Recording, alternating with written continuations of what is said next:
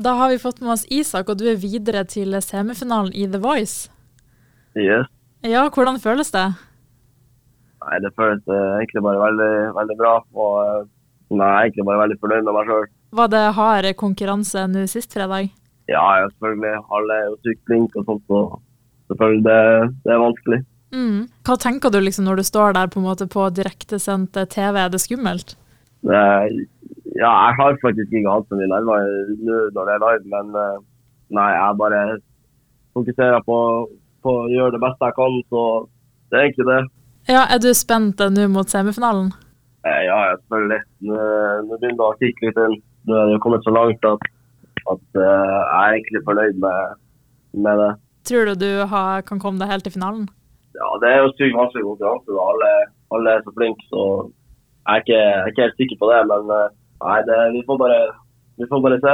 Men eh, de dommerne og mentorene og sånn, er de mest skumle, eller er de på en måte greie også? Nei, nei, alle de her mentorene er sykt greie og snille folk. Og hvordan er det å ha Espen Linda som eh, din mentor? Det er egentlig veldig fint. Jeg kunne ikke, kunne ikke bedt om noe bedre, om en bedre mentor. Så han eh, gir bare gode tilbakemeldinger og sier hvis han mener noe. Så, og det syns jeg er veldig bra, egentlig.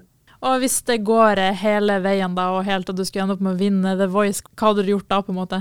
Nei, da har jeg nok feira og eh, blitt veldig glad og bare fokusert på musikk. da. Nei, men du som eh, person, da, hvordan musikk er det du liker å høre på? Jeg liker egentlig ja, forskjellig av musikk. Eh, Det går egentlig fra, fra ballader til, eh, til R&B til rock, men eh, skulle jeg lagd noe eget, så eh, hadde det egentlig gått mest til pop. da.